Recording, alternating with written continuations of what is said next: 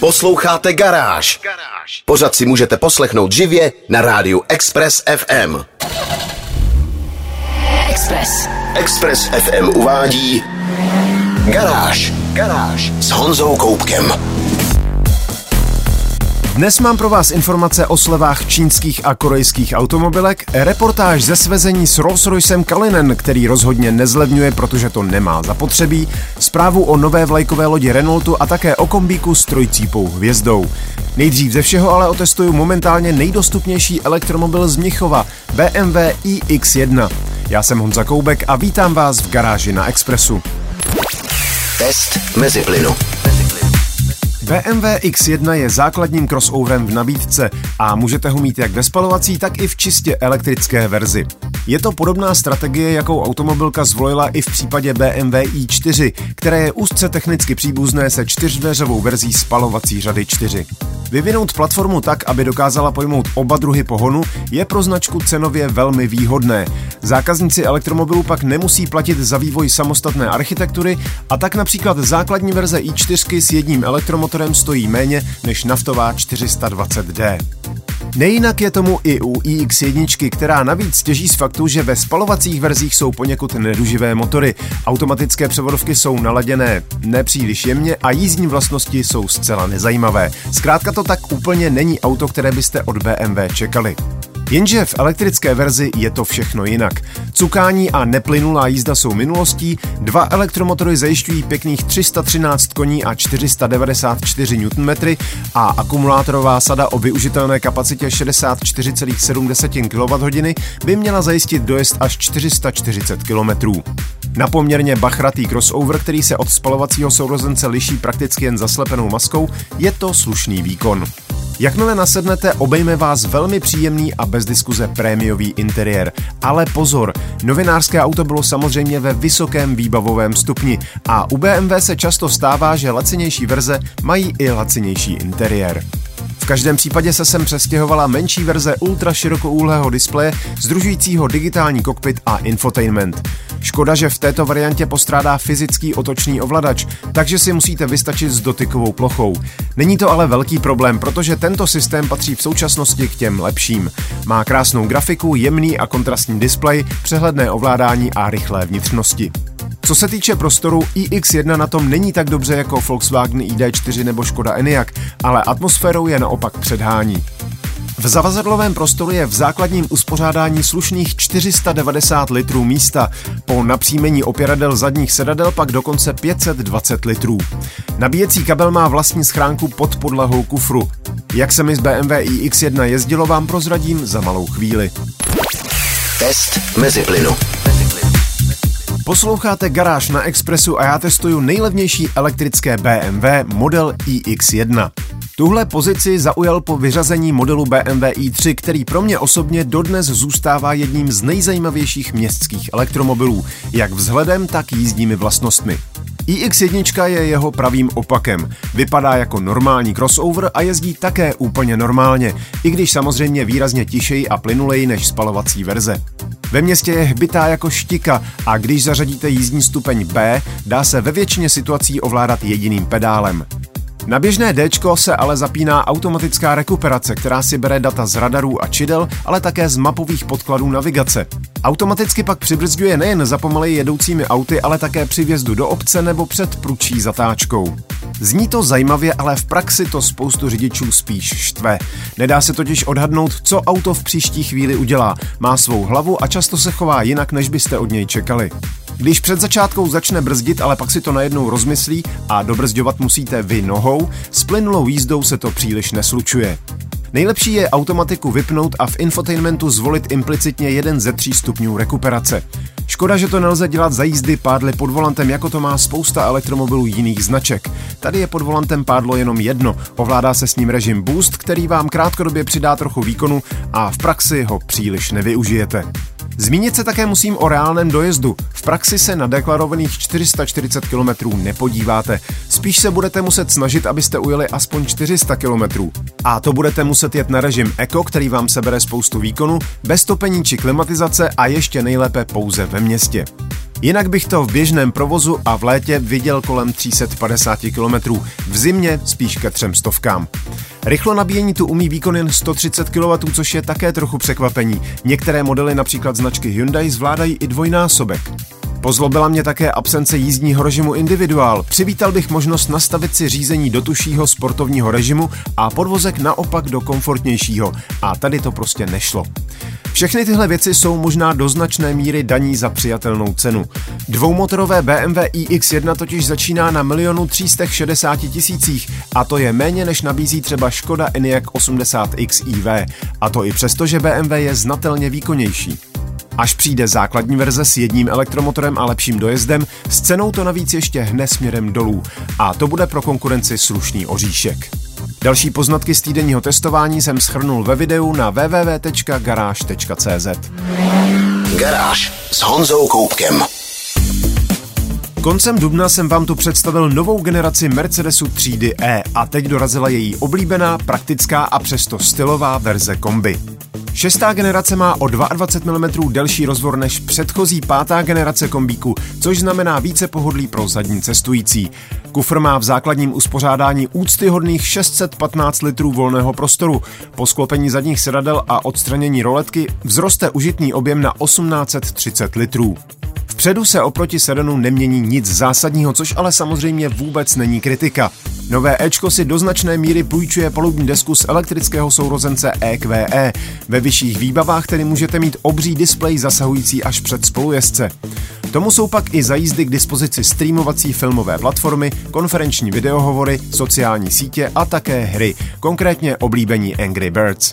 Mercedes dbá na bezpečnost, takže pokud by například na promítaném filmu utkvěli příliš dlouho oči řidiče, raději ho automaticky vypne.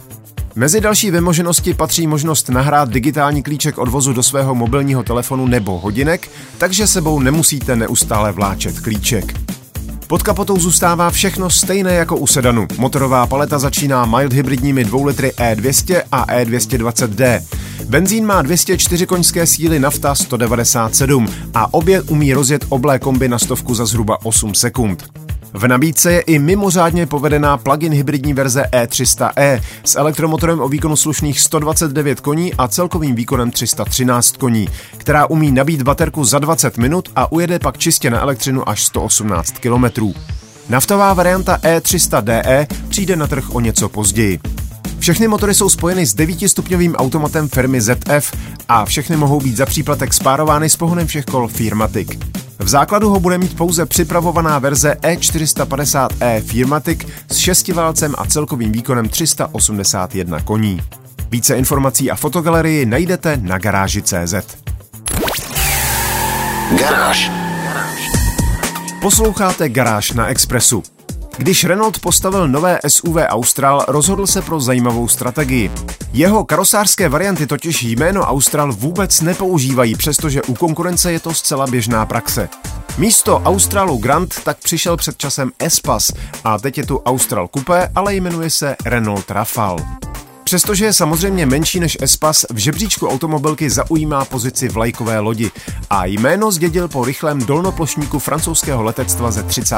let 20. století, který už tehdy letal rychlostí přes 440 km za hodinu. Renault Rafale tak rychle nepojede, jeho základní motorizací je tříválcová 12 stovka, ovšem ve spojení s elektromotorem a se společným výkonem rovných 200 koní. Další volbou bude po nějakém čase plug-in hybridní ústroj s výkonem 300 koní a pohonem všech kol, což už by v lajkové lodi mohlo slušet lépe. Rozvor 2774 mm je schodný s Espasem, Rafale má ale o 4 cm širší rozchod a také je o 20 cm delší než Austral. Do kufru se vejde 647 litrů bagáže a přestože střecha vzadu elegantně klesá, Rafal rozhodně nepůsobí změkčilým dojmem. Nové designové křivky, které už jsme viděli na poslední generaci Clia, mu sluší. Samozřejmostí jsou přední světlomety LED Matrix. Rafal bude mít řízení všech kol, které zlepší manévrovatelnost ve městě i stabilitu na dálnici. Uvnitř pak najdete známou soustavu displejů OpenR, kombinující digitální kokpit a infotainment do jedné zalomené plochy. Renault slibuje vytříbené materiály, chytré náladové osvětlení měnící se podle denní doby, velké panoramatické okno a další luxusní výbavu. Do prodeje by měl přijít na jaře roku 2024. Fotogalerii Renaultu Rafale najdete spolu s dalšími informacemi na www.garage.cz. Garáž. Pokud trochu sledujete automobilový trh, možná vám neuniklo, že americká Tesla před pár měsíci odstartovala cenovou válku, a to především v Číně. Ceny základních modelů tam klesly natolik, že čínské automobilky musely reagovat a i přesto přišly o významné části prodejů. Automobilka NIO v minulém týdnu snížila ceny všech svých modelů v přepočtu o více než 90 tisíc korun. Cenová válka se ale začíná promítat i na ostatních trzích. Na tom našem zahájilo cenovou ofenzívu MG. Na své modely z kategorie SUV, tedy konkrétně MG ZS, HS a hybridní EHS, se momentálně vztahuje akce, která jejich už tak celkem příjemné ceny sníží o další desítky tisíc. Minimálně ušetříte 38 tisíc a to v případě nejlevnějšího ZS Elegance, které pak vyjde na necelých 480 tisíc korun. Pokud ale zvolíte nejlépe vybavený model EHS, cena klesne až o 90 tisíc. Ke všem modelům stále dostanete metalízu bez příplatku. Má to ale háček, akce potrvá jenom do vyprodání momentálních skladových zásob. Slevy se zatím netýkají elektrického MG4, ale nelze vyloučit, že se to brzo změní.